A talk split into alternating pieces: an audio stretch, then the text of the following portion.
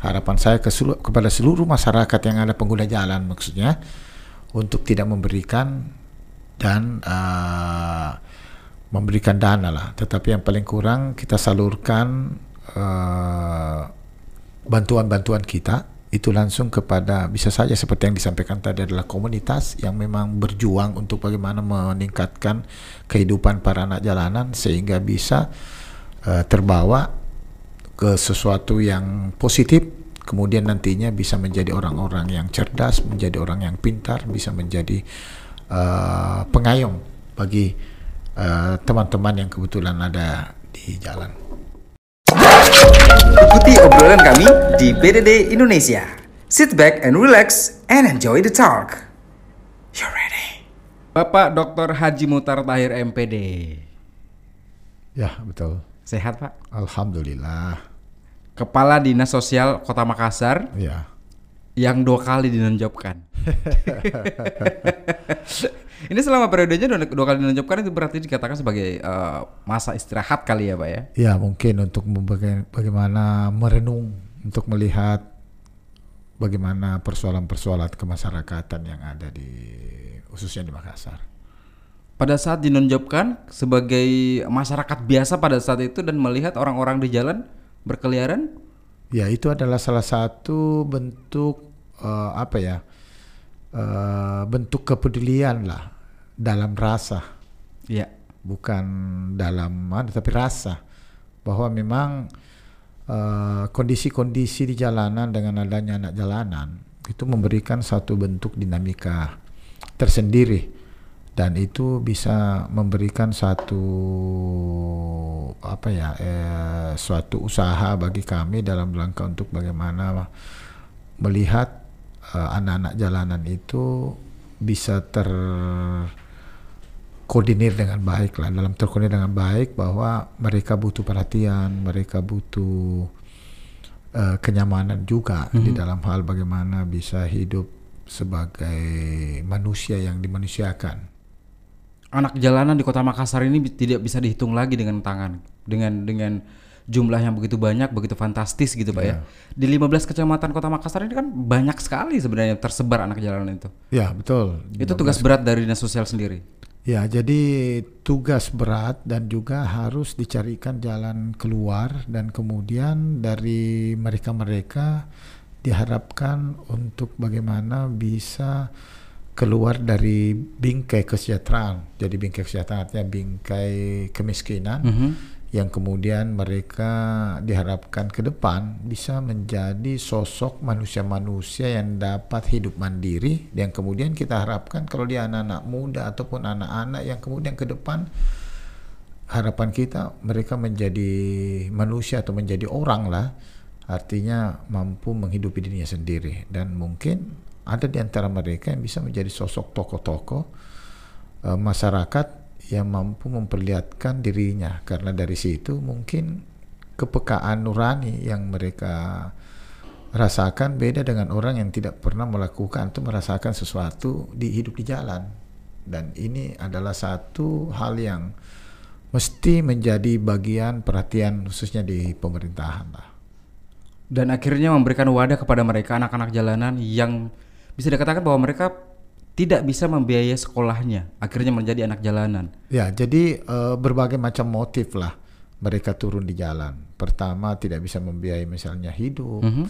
dan mungkin ada juga oknum-oknum yang memang memanfaatkan mereka untuk kepentingan ekonomi mereka. Berarti bisa dibilang ada calonnya ya, ada ada bosnya berarti ya? Ya, biasa sering kalau kita dapatkan mereka lalu kita asesmen, ya bisa saja hal itu terjadi. Nah, upaya-upaya yang kami lakukan dalam bagaimana melihat dinamika kehidupan ini mm -hmm.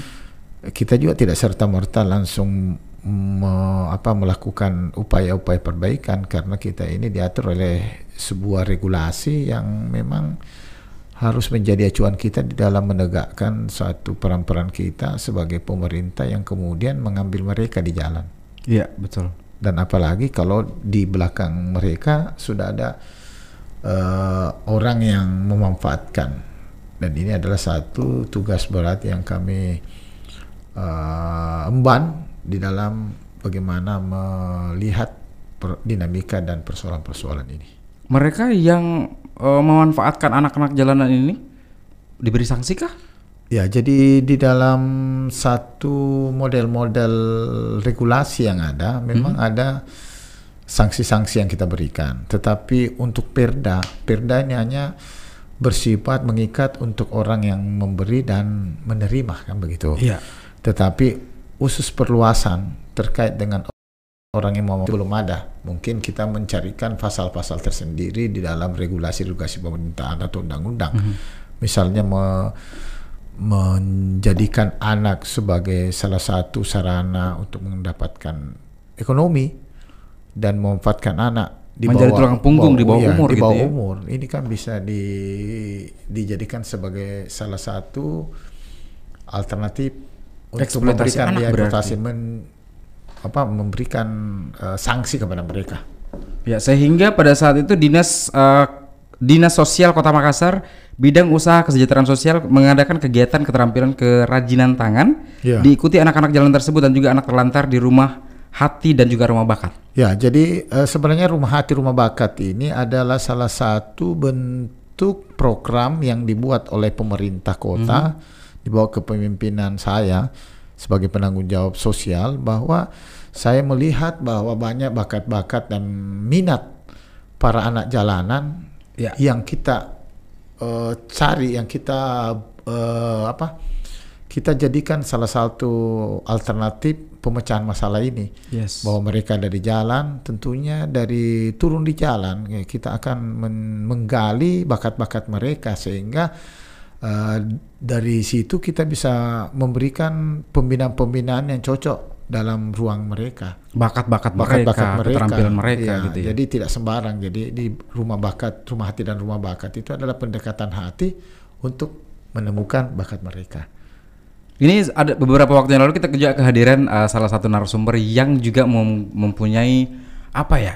Mempunyai peran penting juga yang sama mungkin dengan dinas sosial yaitu uh, membantu bukan membantu sih lebih lebih mengarahkan ataupun mengedukasi anak-anak jalanan dan mereka adalah se- sebuah komunitas anak muda anak muda yang luar biasa yang bisa dikatakan peran pentingnya mereka juga adalah membantu dinas sosial sendiri di Ya, Kota jadi Makassar. eh, saya memang menjadikan teman-teman atau NGO Mhm. ataupun komunitas itu eh, bergabung dengan kita untuk bagaimana menyelesaikan persoalan-persoalan ini. Karena pemerintahan sebenarnya itu kan adalah stimulus atau Yes. mediator dari sebuah persoalan-persoalan yang ada. Tidak akan berhasil itu pemerintahan kalau hanya mereka saja yang eh, apa ya, yang terlibat langsung untuk mengurusi yang seperti itu. Tetapi paling kurang adalah eh, komunitas-komunitas yang mampu membangun sinergitas dengan pemerintahan dan kita berikan ruang untuk bagaimana membina saudara-saudaranya yang kebetulan tidak mendapatkan rejeki seperti mereka Seperti eh, mereka-mereka ini yang, terbentuk dalam terbentuk komunitas komunitas. Jadi diharapkan mereka ikut terlibat di dalamnya dan memberikan eh, masukan-masukan, masukan pem- masukan di sini yang saya maksud adalah memberikan pembinaan, memberikan Mhm. eh, apa ya, memberikan eh, proses-proses mengarah kepada perbaikan-perbaikan nasib anak-anak itu sendiri. Sebenarnya kalau kita melihat dari tugas-tugas pokok dari dinas sosial dan juga eh, tugas-tugas eh, teman-teman komunitas tersebut yang kita mengarahkan kepada anak jalanan sebenarnya hampir sama pak ya. Meng- mengedukasi anak-anak di jalanan kemudian mengarahkan mereka ke tempat ataupun ke rumah belajar. Sama dengan halnya dinas sosial juga mempunyai eh, wadah tersebut. Ya, jadi eh, sebenarnya ada hal yang sangat prinsip dalam melakukan upaya-upaya perbaikan bagi anak-anak terlantar atau anak-anak jalanan. Jadi contoh misalnya, rumah hati, rumah bakat itu adalah salah satu alternatif yang kita buat khusus anak jalanan. Tetapi pekerjaan dinas sosial bukan hanya persoalan anak jalanan. banyak sekali Banyak 26 item namanya PMKS betul betul penyandang masalah kesejahteraan sosial. Mhm. Itu terdiri 26, mulai dari bayi terlantar sampai yang namanya lansia terlantar. Yes. Kenapa diawali dengan anak terlantar kan anak tuanya jadi lansia. Mhm. Jadi secara keseluruhan mulai dari lahir sampai mati itu adalah urusan-urusan kita. Dari 26 persoalan ini ada persoalan transgender yang tidak mendapatkan perlakuan-perlakuan yang wajar di masyarakat. Ada lesbi, ada homo, ada yang eh macam-macam lah. Kekerasan-kekerasan yang lain. Yang lain semua. Lalu ada WTS di dalamnya. Itu juga masuk dalam persoalan-persoalan bagaimana kita menyelesaikan karena apa, eh, namanya eh, WTS ini kan juga adalah satu persoalan karena mereka mencari sesuap nasi untuk itu tetapi memanfaatkan kelebihan dirinya. Iya. Ya, jadi apa yang diberikan oleh Allah untuk dia, tetapi ini yang salah. Salahnya karena memang dilarang sama Allah. Jalannya yang salah gitu Iya. ya. Jadi ini semua persoalan-persoalan dari 26 item ini menjadi satu eh, bagian yang tidak terpisahkan oleh tugas-tugas pemerintah lewat dinas sosial sehingga ada satu hal yang kita harus selesaikan adalah menyiapkan namanya liposus lingkungan pondok sosial. Jadi ibarat Makassar ini adalah satu kota minia, apa mi- miniaturnya itu ada di Liposos. Mereka dilatih di dijadikan satu tempat di mana mereka bisa berinteraksi, mereka bisa belajar, mereka bisa ber eh, apa melakukan aktivitas-aktivitas apa saja di dalam. Setelah itu mereka keluar sudah dibekali dengan pembinaan jahit menjahit seperti yang kita sampaikan tadi. Kemudian mereka keluar sehingga bisa bersosialisasi dengan masyarakat yang lain dan diharapkan bahwa mereka bisa tumbuh dengan karakter dan ketangguhan yang muncul sehingga bisa menjadi orang-orang terbaik di antara yang baik gitu. Berarti bisa dikatakan bahwa peran dari anak muda yang terlibat sebagai komunitas eh, pecinta anak jalanan ini Iya. adalah orang-orang yang sangat membantu kegiatan dinas sosial itu, mengurangi mungkin beban dari dinas sosial untuk bisa langsung terjun ke jalan gitu ya Pak. Ya, itu bisa saja sebagai salah satu bagian yang tidak terpisahkan dengan kerja-kerja kita. Yang jelas bahwa saya sangat memberikan apresiasi kepada komunitas-komunitas yang mampu untuk berbuat ya. Nah, dan saya banyak merespon adik-adik kita, teman-teman kita, saudara-saudara kita yang memang punya perhatian untuk itu. Dan saya pasti memberikan apa ya eh, perhatian khusus ya jadi Dengan saya- tangan terbuka akan menerima mereka gitu ya. ya harus karena dari tangan-tangan mereka juga ini tercipta eh, sesuatu yang Ya. eh, menjadi perbaikan-perbaikan hidup para anak-anak jalanan misalnya itu baru satu contoh belum Mem- ya, belum betul yang sekali. lain ya, Membenahi generasi penerus bangsa itu yang Ya, paling penting. itu mungkin. harusnya seperti itu model yang Ya. yang kita eh, punyai gitu. Saya pengen ke personal Bapak sekal- eh, sekarang. Kalau kan eh, 2018 sempat, sempat meraih penghargaan pemimpin dan eksekutif terbaik berkinerja profesional, berprestasi dan bersih dari Tri Prestasi Indonesia. ya Itu adalah prestasi yang sangat luar biasa dan Bapak dikenal sebagai orang yang sangat cerdas dan juga sangat baik dan Ya. tidak terlalu formal ketika bekerja. Ya itu kecerdasan kan tergantung dari bagaimana kita melakukan aktivitas sesuai dengan yang benar gitu. Jadi uh, penghargaan itu sebenarnya adalah bentuk apresiasi dari uh, organisasi yang memberikan penghargaan kepada kita karena kita mampu untuk mengkolaborasi semua bentuk-bentuk uh, perlakuan-perlakuan dengan orientasi tugas kita. Iya. Ya, jadi eh, ya tidak terasa lah kalau ada orang yang memberikan penghargaan kepada kita karena memang kita bekerja sesuai dengan harapan-harapan masyarakat gitu. Bapak kalau di rumah sendiri termasuk sebagai suami dan ayah yang tegas gak kepada keluarga? Eh, saya menganut prinsip bukan ketegasan, tetapi fleksibilitas. Fleksibilitas. Fleksibel. Mhm. Karena di tempat eh, kita berada, baik di rumah, di tempat kerja, tidak ada orang yang mengatakan saya tegas.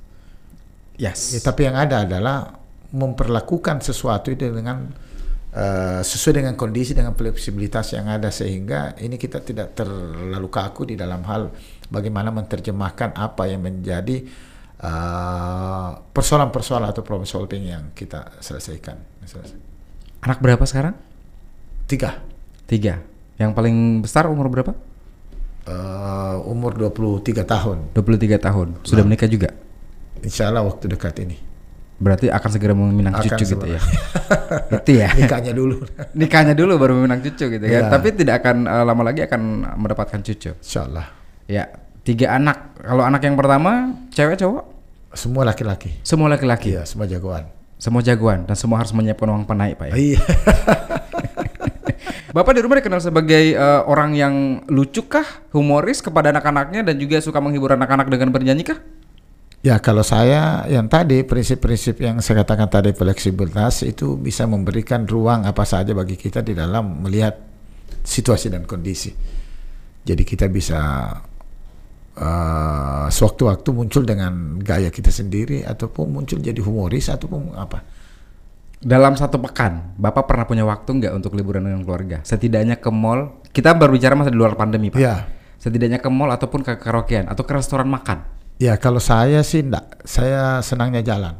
jalan. Jalan, Ketika ya, ada waktu visit luang gitu ke mana ya. saja, ya. Baik ini sekarang juga dalam Dalam masa pandemi. dalam pandemi ini juga bisa di dalam kota atau apa saya ke kebun atau apa untuk Masih sempat berkebun juga? eh, sempat bukan kita yang berkebun tapi menikmati kebun Menikmati kebunnya. Sekarang lebih ke anak kota ya. jadi jadi beda ya berkebun dengan menikmati kebun. Beda dong. Iya. Kalau berkebun berarti benar-benar terjun ke dalamnya. dalam. kalau ini menikmati Menikmati kebun. Iya, berarti sudah ada yang sudah, ada ada yang mengolah kebun itu sendiri. kebun kita datang ya duduk-duduk Iya, oke. Setelah panen baru dapat hasilnya gitu. ya bisa seperti itu Bapak hobi nyanyi juga? Eh, bukan juga penikmat Penikmat. ya Belum ada tamu yang datang ke sini tidak bernyanyi, Pak. Wah, Bapak pun itu- harus bernyanyi. wih luar biasa itu. Seorang kepala dinas sosial Kota Makassar Hmm. harus menunjukkan kepada orang-orang bahwa Bapak pun punya bakat bernyanyi. Oh, begitu. Tadi kita membahas masalah bakat-bakat anak jalanan. Hmm. Bapak juga jangan kalah dengan bakat itu. satu lagu dari Bruri Oh, ganti Ya, lagu kalau begitu. Saya tidak tahu judulnya, tetapi paling kurang saya mengingat Mhm. seperti ini. Harusnya tanganku berhenti menulis syair lagu tentang cinta. Nah, Itu aja deh. Tepuk tangan dong. Luar biasa loh. Bapak punya bakat, Pak. Bapak jangan-jangan jadi guru juga di jadi pembina juga nih Wah, untuk pola vokal gitu.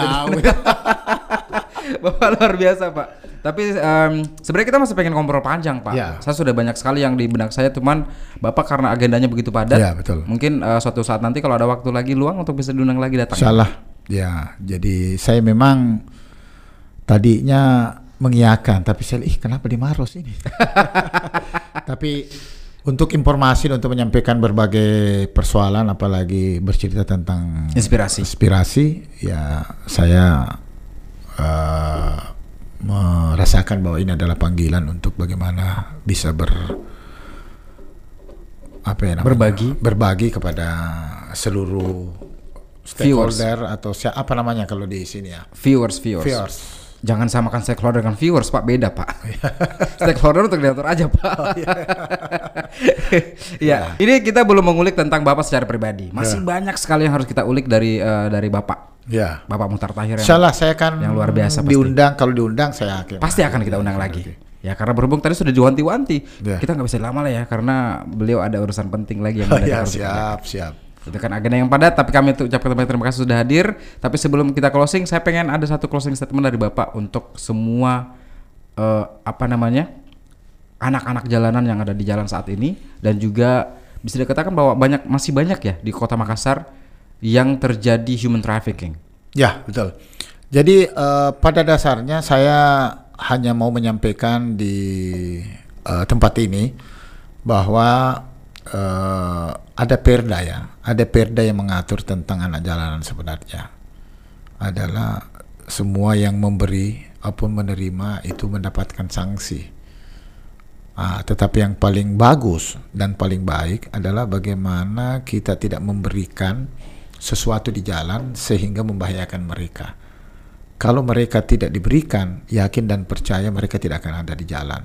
Tapi selama kita memberikan, itu akan berjamur dan akan terus ya meningkat. Oleh karena itu, harapan saya ke selu- kepada seluruh masyarakat yang ada pengguna jalan maksudnya untuk tidak memberikan dan uh, memberikan dana lah. Tetapi yang paling kurang kita salurkan uh, bantuan-bantuan kita itu langsung kepada bisa saja seperti yang disampaikan tadi adalah komunitas yang memang berjuang untuk bagaimana meningkatkan kehidupan para anak jalanan sehingga bisa uh, terbawa ke sesuatu yang positif kemudian nantinya bisa menjadi orang-orang yang cerdas menjadi orang yang pintar bisa menjadi uh, pengayom bagi uh, teman-teman uh, yang kebetulan ada di jalan.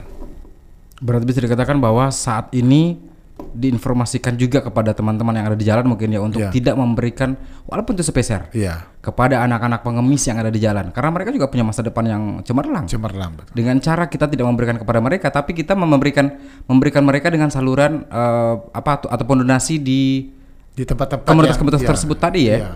Jadi memberikan mereka uh, donasi tersebut daripada memberikan dana itu kepada, kepada uang itu kepada mereka pengemis-pengemis di jalan nah, itu. Betul betul. Luar biasa. Inspirasi yang sangat sangat luar biasa pada hari ini.